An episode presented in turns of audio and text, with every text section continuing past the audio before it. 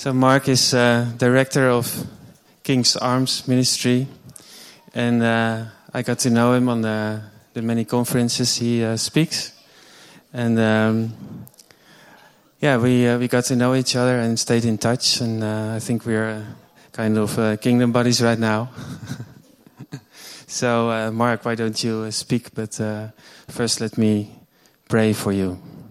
Yeah, Mark, we bless you in the name of the Father, the Son, and the Holy Spirit.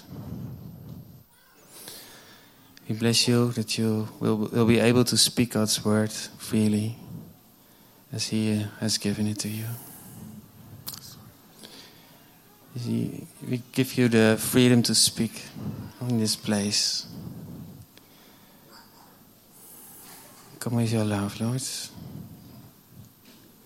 On earth as it is in heaven. In Jesus' name. Amen. Amen. En eh Jean eh, zal vertalen. Dankjewel. Good morning. Goedemorgen. I think you can hear me. That sounds like Denk dat good quality. Goed kunnen horen. Goede kwaliteit. It's very nice to be here with you this morning. Het is eh, geweldig om hier vanochtend met jullie te zijn. I'm always happy to be uh, with another vineyard. Ik ben altijd blij als ik met een andere vineyard gemeente ben. Until last year, I was pastoring a vineyard just south of Washington, D.C. Eh, tot en met vorig jaar was ik eh, voorganger van een eh, vineyardgemeente vlak buiten Washington, D.C. I actually entered the vineyard in 1997 in Anaheim, California. Ik ben eigenlijk binnen in de vineyardgemeente gekomen in 1997 in Anaheim, in Californië. I came just after John Wimber, the founder of the vineyard, passed away. Ik kwam eigenlijk net toen bij de vineyard toen John Wimber, de, ehm, de grondlegger van de vineyard, eh, overleden was. So, anyway, it's nice to be back with my tribe. Dus ik ben eh, blij om weer met mijn, eh, mijn stam te zijn. And more importantly, the family of God in Jesus. En veel belangrijker, de, het gezin, Gods huisgezin in Um, Jezus. This morning, I saw something terrifying. Vanochtend zag ik iets verschrikkelijks. It was in the mirror. Het was in de spiegel. It was my face. Het was mijn gezicht. I am very tired. Ik ben heel erg moe. I see it in my face. I talked 10 times the last two days. Eh, en dat kan je aan mijn gezicht zien. Ik heb eh afgelopen twee dagen wel tienmaal eh gesproken.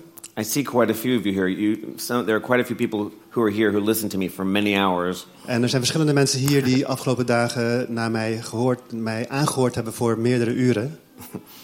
Um, I'm tired. I'm concerned that I'm not going to make much sense, so may the Lord help me. Eh, ik ben moe. Eh, ik ben bang dat ik niet goed overkom, maar mogen de Heer mij helpen.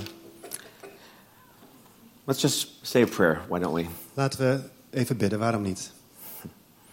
Father, I just thank you for this chance to be here with your family. Vader God, ik dank u wel dat ik hier aanwezig mag zijn met uw huisgezin. Thank you that your love stretches over us Dank u wel, Heer, dat uw liefde over ons uitgestrekt is. and that you hold us in your huge hands. En dat u ons vasthoudt in uw geweldig grote armen. Lord, please speak to us this morning. Vader God, wilt u tot ons spreken vanochtend? I pray, Lord, that your spirit would be speaking to each one just what they need to hear from your heart. Wilt u door uw Heilige Geest spreken tot een ieder zijn hart? Precies wat, dat, datgene wat ze nodig hebben van u. And Lord, I ask that you put your words in my mouth. Heer, en ik bid dat u uw woorden in mijn mond zet. And I give you thanks in advance. En ik geef u alvast dank daarvoor. In Jesus' name, In Jezus' naam. amen. Amen. Um, I'm speaking today from John 4.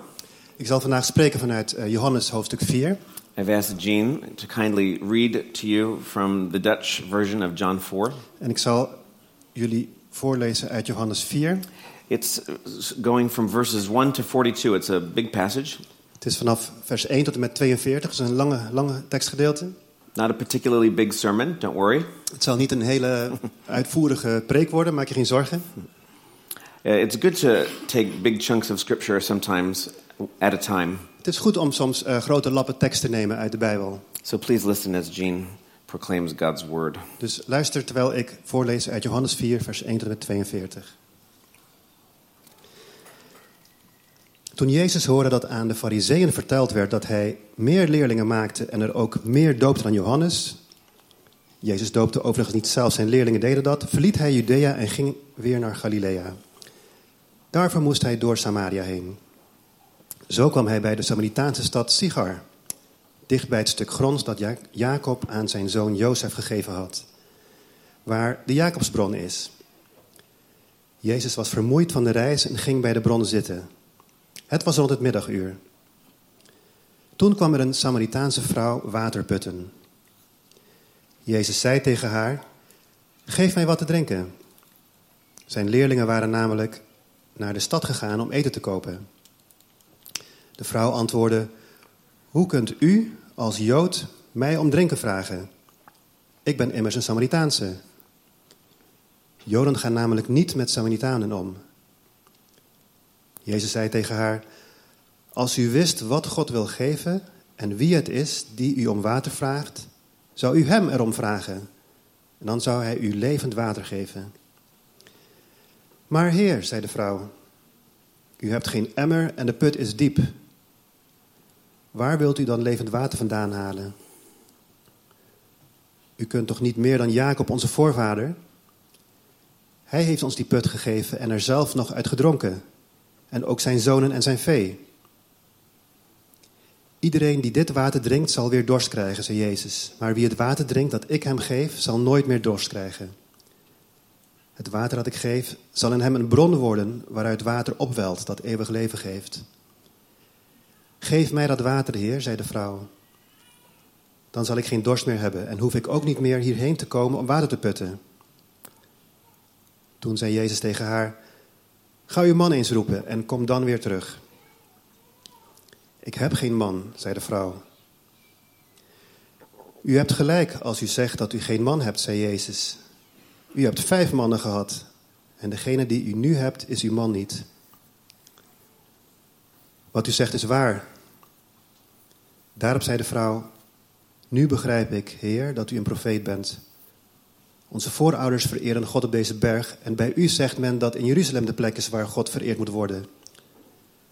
Geloof me, zei Jezus, er komt een tijd dat jullie nog op deze berg, nog in Jeruzalem de Vader zullen aanbidden. Jullie weten niet wat je vereert, maar wij weten dat wel. De redding komt immers van de Joden. Maar er komt een tijd, en die tijd is nu gekomen, dat wie de Vader echt aanbidt, hem aanbidt in geest en in waarheid. De Vader zoekt mensen die hem zo aanbidden. Want God is geest. Dus wie hem aanbidt, moet dat doen in geest en in waarheid. De vrouw zei: Ik weet wel dat een Messias zal komen, dat betekent gezalfde. Wanneer hij komt, zal hij ons alles vertellen. Jezus zei tegen haar: Dat ben ik, degene die met u spreekt. Op dat moment kwamen zijn leerlingen terug en ze verbaasden zich erover dat hij met een vrouw in gesprek was.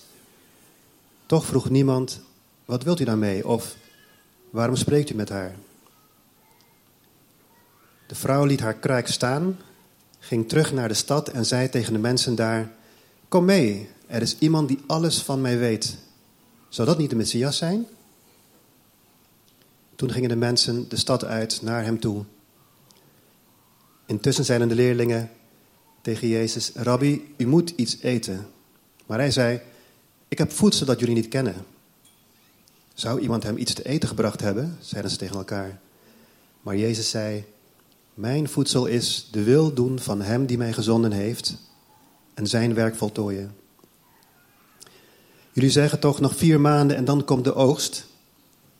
Ik zeg jullie: Kijk om je heen dan zie je dat de velden rijp zijn voor de oogst.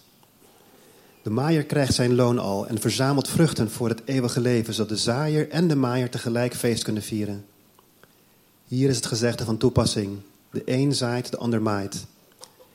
Ik stuur jullie erop uit om een oogst binnen te halen waarvoor je geen moeite hebt hoeven doen. Dat hebben anderen gedaan en jullie maken het werk af. In die stad kwamen veel Samaritanen tot geloof in hem door het getuigenis van de vrouw. Hij weet alles van me. Ze gingen naar hem toe en vroegen hem bij hen te blijven. Toen bleef hij nog twee dagen. Nog veel meer mensen kwamen tot geloof door wat hij zei. Ze zeiden tegen de vrouw: We geloven nu niet meer om wat jij gezegd hebt, maar we hebben hem zelf gehoord en weten dat hij werkelijk de redder van de wereld is.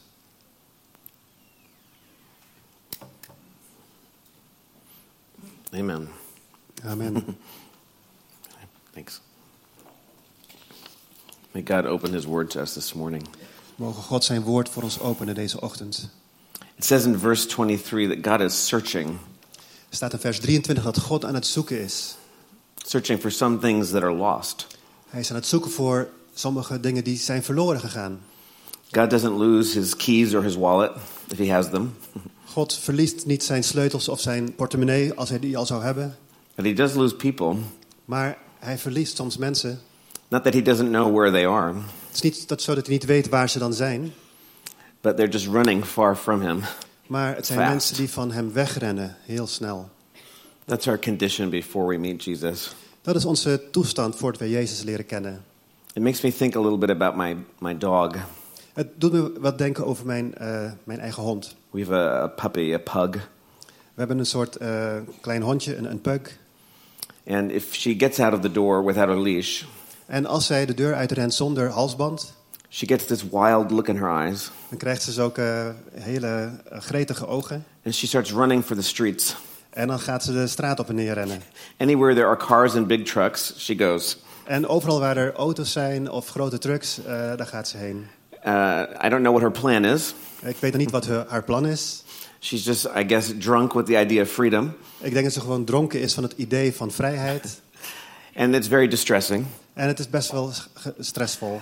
because we want to make sure she doesn't get hurt. Want we, we weten, we willen ons niet zorgen maken dat ze ehm, pijn doet, pijn krijgt. We are not pets, Wij zijn geen eh, huisdieren. uh, but uh, when I think of that, I think of a, a little bit of the distress God must feel when people are running away from Him into danger.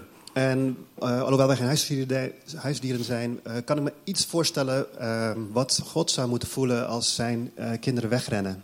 Jesus returns to this theme of lostness, Jezus, not, not infrequently.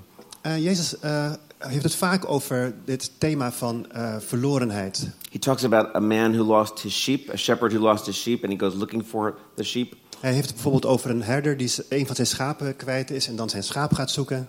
We just sang about it this morning. We hebben er eigenlijk eh, over gezongen vanochtend. He talks about a father whose son gets lost, Hij heeft het over een vader wiens zoon eh, van huis weggelopen is. who rejects the father and walks away. Die de vader verwerpt en afwijst en eh, wegloopt. And in those different stories, Jesus is giving us a commentary. En in al die verhalen geeft Jezus ons eigenlijk een soort commentaar. He's talking about the father's zeal and interest to be connected to all of us. Hij heeft het eigenlijk over de ijver van de vader om met ons verbonden te blijven. That it's God the Father's desire that every person would be connected to him and aware of his love. Dat het Gods verlangen is dat iedereen met God verbonden blijft en bewust is van zijn liefde. And we get a very clear picture of that here in Jesus' interaction with the woman. En we krijgen een vrij helder plaatje ervan hier in het verhaal van Jezus' interactie met de vrouw. On the one hand, God owns everything, Eh, enerzijds heeft God alles in zijn bezit right? He could take what he wants, en hij zou alles kunnen nemen wat hij bezit, wat hij wil.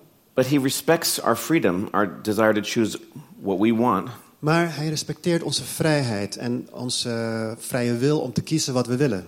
And so he's always searching.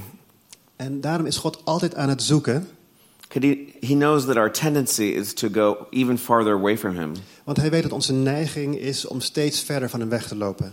And we see a very clear picture of God's heart here in this intense and powerful passage. En we zien hier een heel intens plaatje van Gods eh, liefde eh, in het verhaal wat we net gelezen hebben. When I think about how Jesus talks to the woman, I think about a dryer at the laundromat. Eh, wanneer ik eh, nadenk over hoe Jezus met die vrouw ehm, gesproken heeft, eh, moet ik denken aan een wasdroger in een wasserette. It's sort of like he throws the woman in the dryer and turns it on. Het is net alsof hij die vrouw in de wasdroger gooit en dan de wasdroger aanzet. He completely disorients her quickly. Hij, raakt, hij maakt dat ze gedesoriënteerd raakt, vrij snel. Uh, very soon after they start talking, Vrij snel nadat ze beginnen, een gesprek beginnen, she's asking him, you know, where's your bucket? How are you going to get water? eh, vraagt ze van... Hé, hey, hoe ga je nou water putten? Waar is je emmer? And he says, well, you should be asking me for water. En dan zegt hij van... Nou, maar jij zou eigenlijk mij moeten vragen om water. I have water you don't know about. Ik heb water waar jij niet eh, weet van hebt. Give me this water. Geef me dit water. And he says, well, bring your husband. En dan zegt hij van... Nou, eh, haal je man eens eens op. I don't have one, she says. En dan zegt ze van, nou, ik heb geen man. No, you've had five, and the man you're with now, he's not your husband. En dan zegt ze, ja, ik heb, en dan zegt Jezus, ik heb, je hebt vijf mannen gehad en de, man die je nu hebt is eigenlijk je eh, echtgenoot niet.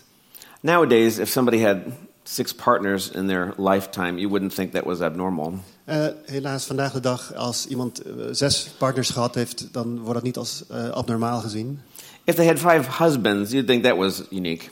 Ehm, maar in die tijd, als je vijf echtgenoten hebt gehad, ja, dat was wel uniek. I mean, back then, there, that was extremely unusual. Eh, in die tijd toen was dat heel ongebruikelijk. You know, this is not the most stable woman in the village. Dit is niet de meest stabiele vrouw in het eh, dorp. You know, she can't settle down and have one family. Ze kan niet eh, gaan settelen en maar één gezin hebben. You know, does she have multiple children from these men? We don't know. Heeft ze misschien meerdere kinderen van al die verschillende mannen? Wij weten het niet. You wonder if she's sort of the village homewrecker. En je zou je afvragen, is zij misschien degene die eh, gezinnen opbreekt? I mean, if you're in a, in a fairly small village and you've had six different men, you may be very unpopular with the other women in the town, shall we En say. zeker in een dorp, als jij eh, vijf verschillende mannen hebt gehad eh, in zo'n kleine gemeenschap, dan zullen waarschijnlijk heel veel vrouwen een hekel aan je hebben. We don't know. We weten het niet. But she's definitely ashamed of what her past and what her life is like. Maar het is zeker zo dat ze zich schaamt over haar verleden en eh, hoe, ze, ja, hoe ze nu leeft. This is noon. It's the sixth hour, noon. En dit is het middaguur, eh, het staat het zesde uur, This is a desert.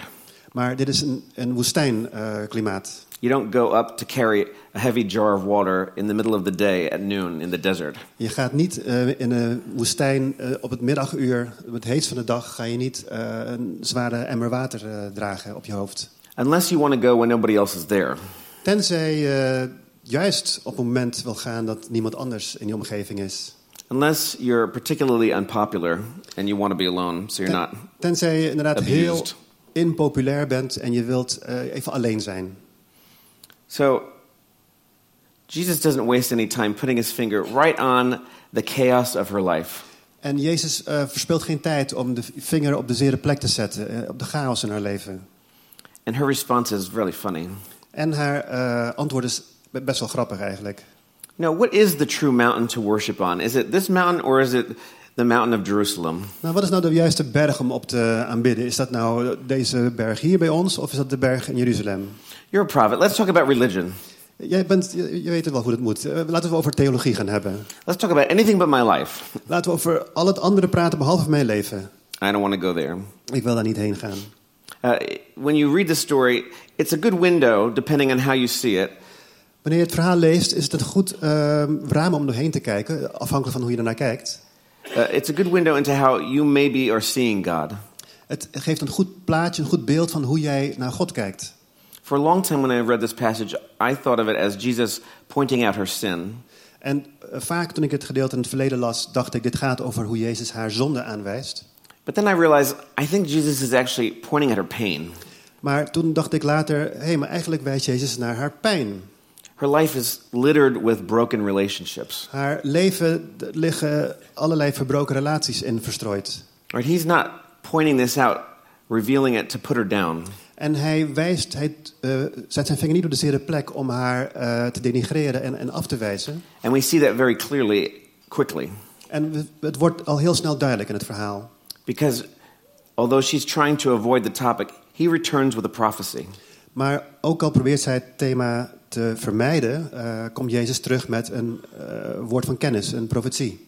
He says, Woman, which was a polite way to address a woman back then. En hij zei vrouw, wat een ehm, beleefde manier was om iemand aan te spreken, om een vrouw aan te spreken in die tijd. Believe me, a time is coming Zegt hij, er komt een tijd when you will worship the Father, dat jij de Vader zult aanbidden, neither on this mountain nor in Jerusalem. nog op deze berg, nog in Jeruzalem. Right? She is going to be a worshiper, Dus zij gaat een aanbidder worden. not on her mountain, not where she's living now, Niet op de berg bij haar in de buurt, not in Jerusalem either. n- nog in Jeruzalem. There's a big adventure coming, Er komt een groot avontuur aan, but he's giving her a new identity. maar hij geeft haar een nieuwe identiteit. Right? He's not pointing out the chaos of her life to, to reject her or to judge her. Hij wijst niet de chaos in haar leven aan om haar af te wijzen of om haar te oordelen. He's saying, I see exactly where you are, and God is looking for people like you, and He's going to get you. En hij zegt van ik weet precies waar jij bent en God is op zoek naar mensen zoals jou en hij gaat je te pakken nemen, te grazen nemen. It's very bracing, the whole thing. Uh, shocking. Het is best wel schokkend eh, eh, wat hier gebeurt. You know, Jesus, Jesus doesn't hold anything back. Jezus houdt niks terug. He says, you know, you Samaritans, you get your worship all wrong. Hij zegt, eh, nou jullie Samaritanen, jullie hebben de aanbidding helemaal verkeerd. You worship what you don't know. Jullie aanbidden wat je niet weet, wat je niet kent. You're very confused. Jullie zijn echt in de war. Right? So he just, with one sentence, invalidates centuries of their religious tradition. En eh, met één zin eh, werpt hij eigenlijk de hele, al die, al die eeuwen lang van hun eh, traditie van aanbidding, verwerpt hij eigenlijk. It's not what you would call diplomatic. Het is niet echt dip- een diplomatische manier van spreken hierover. To modern ears, it maybe sounds intolerant. Sommigen zouden denken, wat is Jezus intolerant zeg? But she, on the other hand, was saved by it. Maar aan de andere zijde, aan de andere kant, is zij hierdoor juist gered. He's enabling her to distance herself from what she had always been taught. Hij eh, stelt haar in staat om afstand te nemen waar zij altijd in onderwezen is. It's strong medicine. Het is een hele sterk medicijn. Sometimes medicine might make you a little feel a little bit sick before it makes you better. Soms met medicijnen die je inneemt, kan je eventjes wat minder goed voelen. He says, As for the Jews, we know whom we worship. Maar Jezus zegt, eh, voor ons Joden, wij weten wie we aanbidden. Salvation comes from us. De redding komt van de Joden. What else would you expect the Jewish Messiah to say? Wat kan je anders verwachten van de Joodse Messias, wat hij zou zeggen? He is the king of the Jews after all. Hij is de koning van de Joden And he's right, en hij heeft gelijk. right? It's still true. Het is nog steeds waar. There's only one God. Er is nog steeds één God. The others are false. They're rivals and they're imitations. De andere goden zijn valse goden, ze zijn imitaties. Right? It's unpopular talk. Dit is niet populair om dit te zeggen. But the truth doesn't change even if we don't like it. Maar de waarheid verandert niet, ook al houden we niet van die waarheid. And Jesus knows that when you speak the truth about God, En Jezus weet, als je de waarheid over God spreekt, when you speak the word of God truly and in love, wanneer je het woord van God spreekt in waarheid en in liefde, the Holy Spirit validates that. dan eh, bevestigt de Heilige Geest dat. He uses the word to bring us to life. Dan gebruik je dat woord om ons tot leven te wekken. And he's definitely an equal opportunity worldview exploder. En eh, hij is zeker iemand die eh, gelijke kansen biedt aan iedereen. Because he says the Father's looking for people to worship, not on this mountain, not in Jerusalem. They're going to be worshiping all over. Hij zegt, de Vader zoekt naar zulke aanbidders. Niet op deze berg, niet in Jeruzalem. Ze zullen overal zijn. You can be sure there were no rabbis saying that. Je kan er zeker van zijn dat er geen rabbi's waren in die tijd die dat zouden zeggen. You know, he's saying soon Jerusalem will be basically irrelevant, Hij zegt eigenlijk, nou binnenkort zal Jeruzalem irrelevant worden. in as much as the temple is concerned. Voor zover het eh, de tempel eh, betreft. Right? That was the very center of Jewish identity. Dat was het centrum van Joodse identiteit. If there had been any other Jews there, they would have freaked out. Als er andere Joden daar waren toen Jezus dit zei, dan waren ze gaan flippen. He's saying worship is not going to depend soon any longer on one city, on one nation. Hij zegt, eh, aanbidding zal binnenkort niet meer afhangen van eh, een plaats of een natie. Because God, the creator of the universe, can be worshipped anywhere in spirit and in truth. Want God, eh, de Vader zal binnenkort aanbeden worden in geest en in waarheid, overal. That's what God is looking for.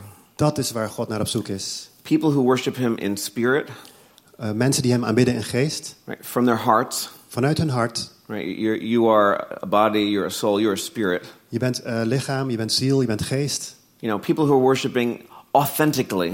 Mensen die authentiek hem aanbidden. They're not going through little religious rituals um, just because it's a habit.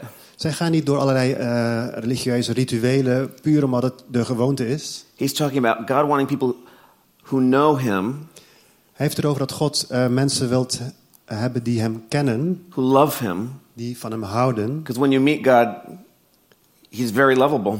Want als je God ontmoet, is hij om van te houden. And that love pours out authentically from their hearts, from their spirits. En die liefde die eh, stroomt uit hun ehm, geest, uit hun lichaam.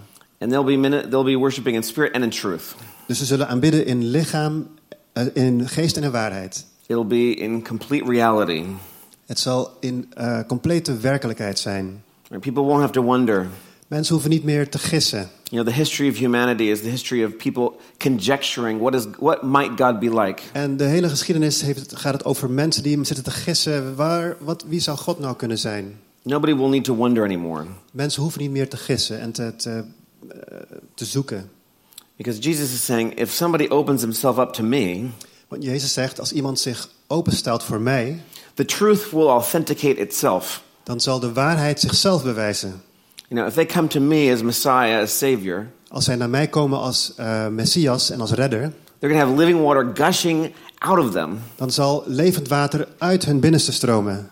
Right? The Spirit will live in them, the Holy Spirit. De Heilige Geest zal in hun leven. And so his presence will gush out of them, and they will know without a beyond a shadow of a doubt that God is in Jesus and in them. En eh, de Heilige Geest zal eh, zichzelf bewijzen en zal eh, aantonen dat, de, dat ehm, God de Vader, ehm, dat Hij een God de Vader is en die in ons is. Because Jesus has come to live in them. Want Jezus is in hun komen wonen. So he's saying the Father is making himself available everywhere. Dus hij zegt eigenlijk, de Vader maakt zich overal beschikbaar. So when at the beginning of the passage, it, it might seem to some that Jesus is being somehow cold. Dus in het begin van het verhaal eh, lijkt het erop of Jezus wat afstandelijk is, wat, wat koud. But what he's actually doing is showing the wide open arms of the Father to the world. Maar wat hij eigenlijk doet is de uitgestrekte armen, de wijd open armen van God laten zien aan de wereld. And making sure that she knows that what God's looking for is authenticity and the truth. En om zeker te maken dat wat eh, zij aan het, voor aan het zoeken is, is, eh, is authenticiteit en waarheid. Up to that point in the life, she did not know the truth. Tot en met dat punt in haar leven kenden ze de waarheid niet. The Samaritans were people who had taken Jewish religion and mixed it with pagan religion. De Samaritanen waren diegenen die hadden eh, delen van Joodse religie genomen en het gemengd met heidense eh, religie. He was saying to her, You need to throw those lies away. En hij zei eigenlijk tegen haar, je moet die leugens verwerpen.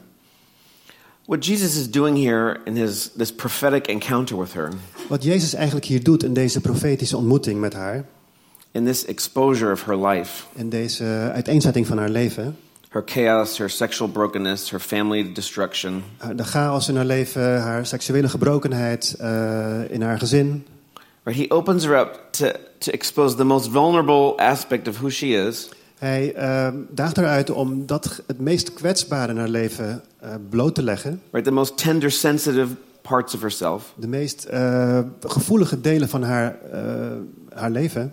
Why she's changing the subject. Daarom gaat ze dat onderwerp natuurlijk, wil ze niet over hebben. And then he pours in this love. En dan giet hij daar zijn liefde in. You're exactly who the Father's looking for, En jij bent precies degene naar wie God op zoek is. right? Not what's wrong with you, Niet van, hè, wat is er met jou aan de hand? not how did you make such a mess of your life. Niet van, goh, wat heb jij een puinhoop van je leven gemaakt? You know, the kinds of people, the kinds of things people often think about God. Soms zijn dat dingen die eh, mensen denken over hoe God zou zijn. Wat Right? God, zegt. God must be disgusted with me. Die denken van, oh, God zal eh, de, de pest aan mij hebben. Right? At this most vulnerable point, he says, I see everything and I love you. God loves you. Op het meest kwetsbare moment zegt hij, ik zie alles en toch hou ik van je. It's incredible. Het is ongelooflijk. And you better believe she gets it. En neem maar aan dat zij dat pakt. Right? She is tasting immediately living water. En zij proeft onmiddellijk levend water. Right? She's tasting this unmerited love, the favor of God. Zij proeft die onvoorwaardelijke liefde van God. Right? She's experiencing deep refreshment. En zij ervaart verfrissing, innerlijke verfrissing. Right? Love and kindness from someone who could jab her with judgment. En eh, liefde en vriendelijkheid van iemand die haar in, in potentie zou kunnen eh, steken. That's how Met, God met oordeel. is. Want zo is God. He's kind, he's tender, God is vriendelijk. Hij is teder. he's utterly powerful. Hij is almachtig. You know, the whole universe is in his hand.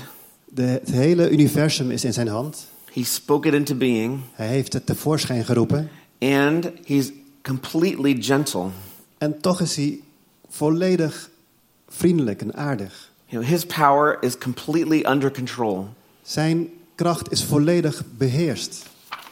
He may shock us with what he says, Misschien choqueert hij ons met wat hij zegt, but he does it to expose our hearts and then to bring in his kindness. maar hij doet dat om ons hart eh, open, te, bloot, open en bloot te leggen en dan zijn vriendelijkheid, zijn lieflijkheid te introduceren.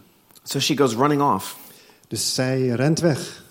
She's just experienced the greatest love she's ever encountered. Zij heeft net de meest geweldige liefde ervaren. She leaves her jar. Ze laat zelfs haar kruik achter. Who leaves their jar in the desert? Wie laat nou zijn kruik achter in de woestijn? Right? That's maybe her only jar for carrying water. Misschien is dat wel haar enige kruik waar ze water mee kon dragen. She needs that thing. Die heeft ze echt nodig. She's not thinking about water. Zij denkt niet meer aan water. She's just been drenched with living water. Zij is net overspoeld geraakt door levend water. Who has time to deal with the jar? Eh, ze heeft geen tijd om met die eh, kruik eh, te dealen. I've got to go tell everybody. Ik ga even iedereen vertellen van dit levende water. Right? She does the natural thing that happens when somebody dramatically changes your life.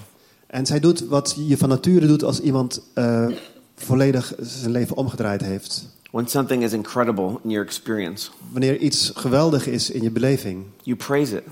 dan prijs je dat. You talk about it. Je praat erover. You can't stop talking Je about it. kan niet stoppen met erover te praten. Right? Living water gushing out.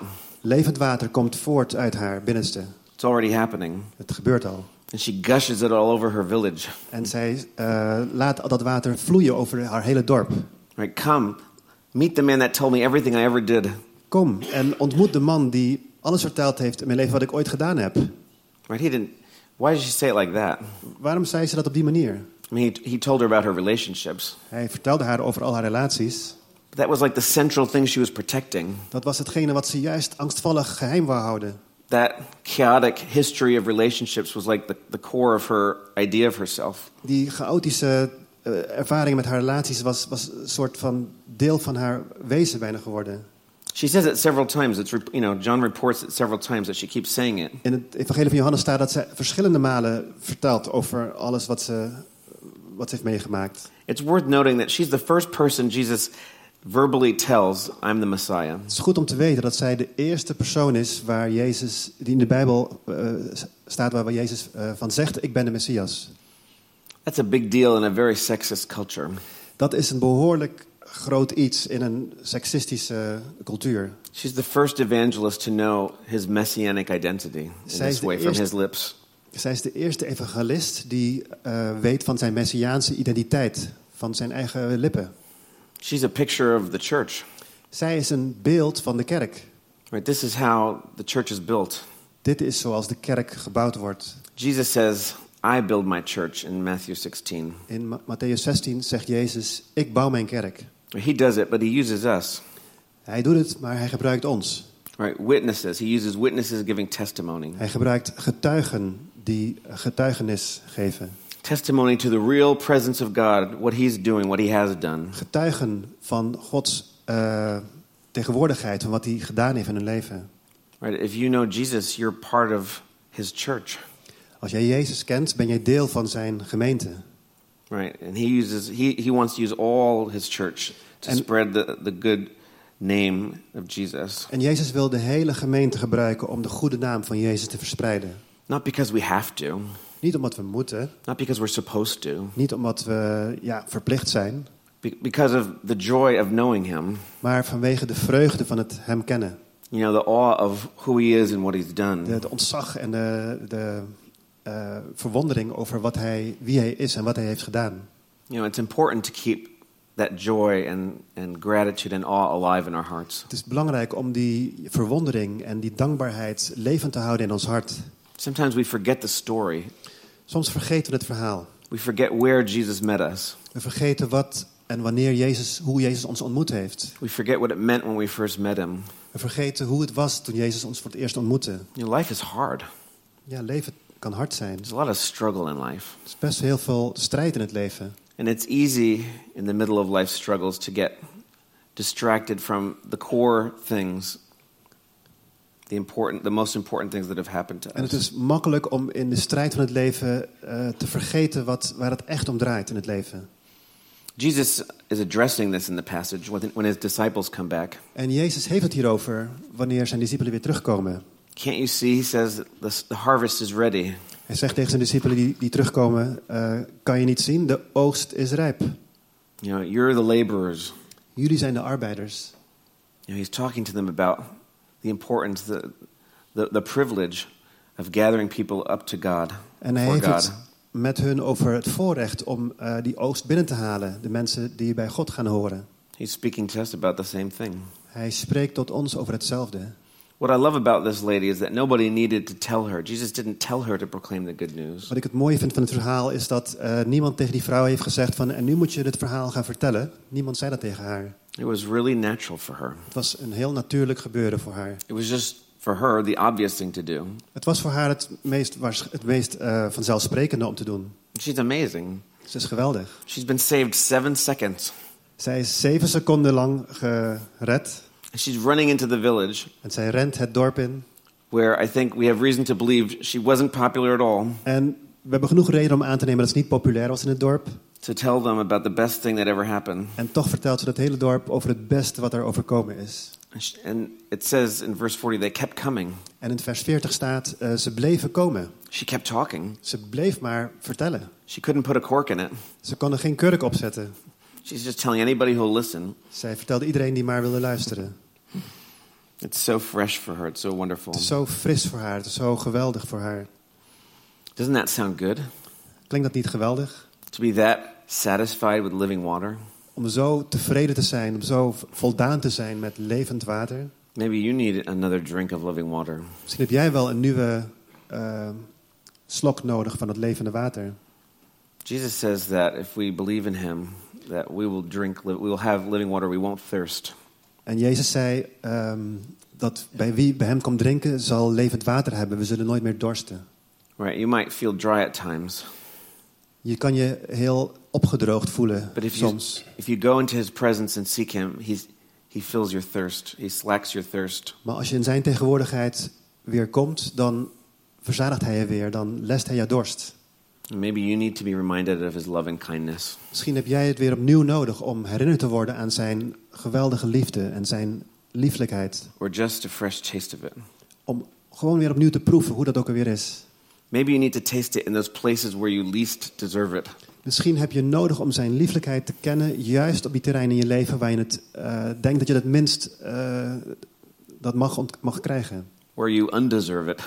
Waar jij eh, het minst verdiend hebt.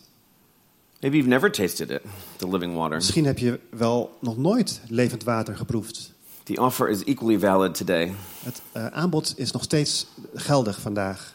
Jesus still slacks the thirst of those who come to meet him in faith. Jezus verzadigt nog steeds de dorst van mensen die bij hem komen in geloof.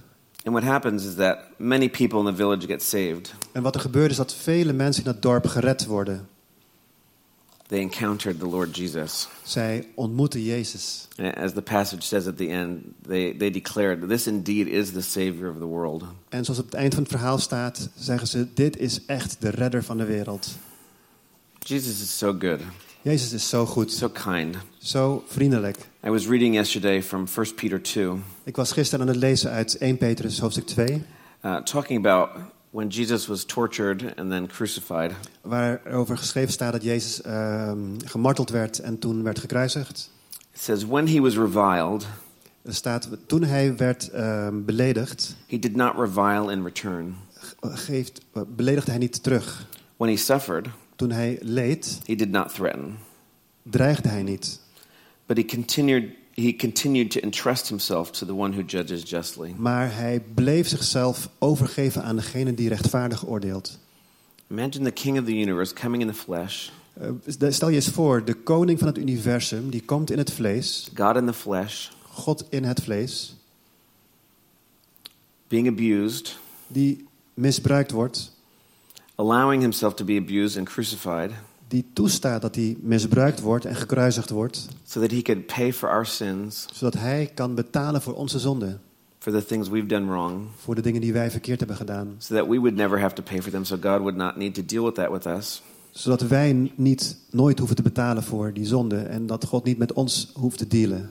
But no matter how horribly he was treated, he doesn't come back with hate. He doesn't come back with threats. Maar hoe verschrikkelijk hij ook behandeld is, hij komt niet terug met dreigementen. Hij komt niet terug met, met eh represailles. You know, one day you'll see when I'm on my throne, Zo van, eh, wacht maar, als ik een keer op de troon zit, dan eh, ga je het zien. he prays they be forgiven by the Father. Hij bidt zelfs aan het kruis dat ze vergeven worden. That's the heart of Jesus. Dat is het hart van Jezus. Nobody can make up that story, Niemand kan dat verhaal zelf bedenken. But that's the real story. That's the true story of the world. Maar dat is het werkelijke verhaal van de wereld. Hmm. So why don't we seek Jesus? Dus waarom gaan we niet nu Jezus zoeken? Wouldn't you like to have another a fresh taste of living water? Zou je niet opnieuw een nieuwe slok, opnieuw willen proeven van het levende water? Gods goedheid opnieuw proeven? I hope so. Ik hoop het. If that's interesting to you, Als dat interessant is voor jou, whether for the first time Misschien- or for the 10,000th time, misschien voor het eerst of misschien wel voor de tienduizendste keer, why don't you just close your eyes? waarom sluit je je ogen niet? I'm just going to say a prayer for you Ik ga gewoon een gebed voor je uitspreken. and ask the Holy Spirit to come. En ik ga de Heilige, Heilige Geest uitnodigen om te komen.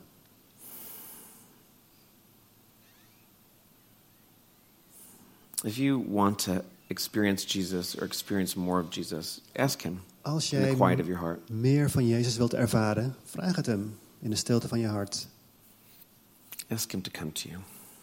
Vraag hem om bij je te komen. We'll just take a minute to give you a moment to do that Neem er een minuut ervoor. Neem je tijd.